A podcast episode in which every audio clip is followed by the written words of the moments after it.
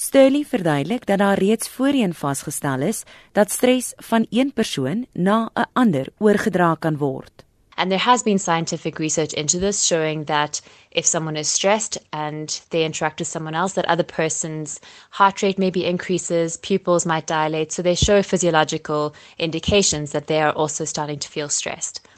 There are studies showing that when we're stressed, we release uh, pheromones. And when others detect these pheromones, they may not be conscious of it, but they will begin to show signs of stress after smelling the pheromones, these pheromones that communicate stress. So that has been shown in humans. Maar in hul eie studie het hulle probeer uitvind of die stres van 'n ander persoon langtermyngevolge op jou kan hê. We housed mice together in pairs they were same sex pairs from the same litters. And then on the one the day of the experiment, we removed one mouse from the cage and we exposed them to a mild stress. And then we put them back into the cage with their brother or their sister. And we let them interact for 30 minutes. And then we went and looked at what had happened in the brain. We specifically look at a part of the brain that controls the body's stress response. So we look at inputs to this part of the brain, and we find that after stress, these inputs actually strengthened.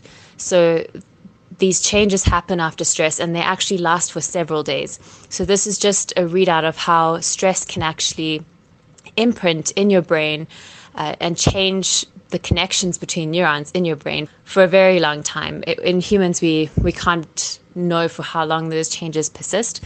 Obviously, in mice, we can control, there are a lot of variables we control and we can measure these changes and we know they last for quite a long time.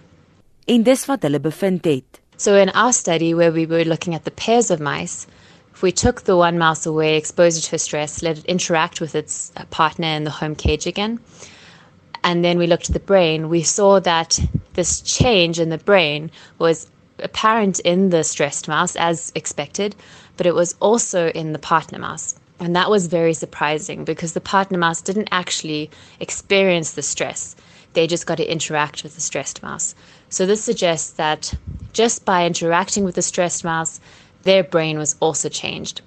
Toe het hulle die gedrag van die twee muise verder bestudeer. And we noticed that the partner spent a lot of time investigating the stressed mouse.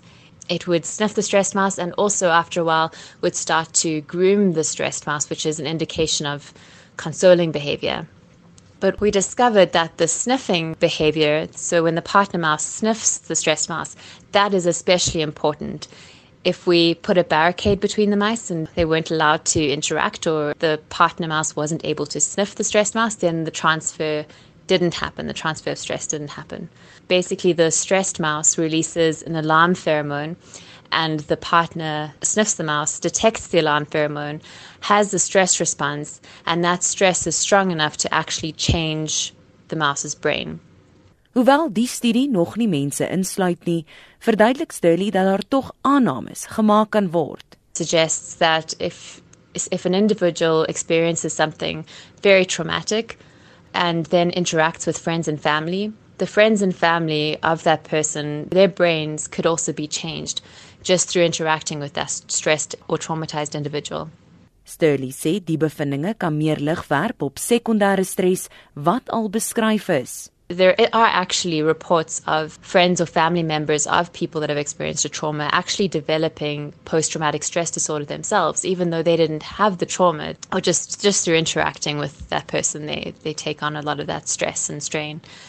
And also thinking about caregivers who have to care for sick or elderly people and they also might be taking on a lot of the stress of that individual and their brain could also be changed. En dat behandeling in die toekoms uitgebrei kan word. Perhaps when we are treating people for PTSD just to be aware that it's maybe not only them that need the therapeutic treatment and maybe if their friends and family will also need to be considered or it's not impossible that they will also develop a traumatic disorder or changes in the brain. Dit was 'n Suid-Afrikaanse neurowetenskaplike Toni-Lee Sterley, verbonde aan die Universiteit van Calgary in Kanada. Hierdie verslag is met die hulp van Anita Visser saamgestel. Ek is Melissa Tuggie vir SAK nuus.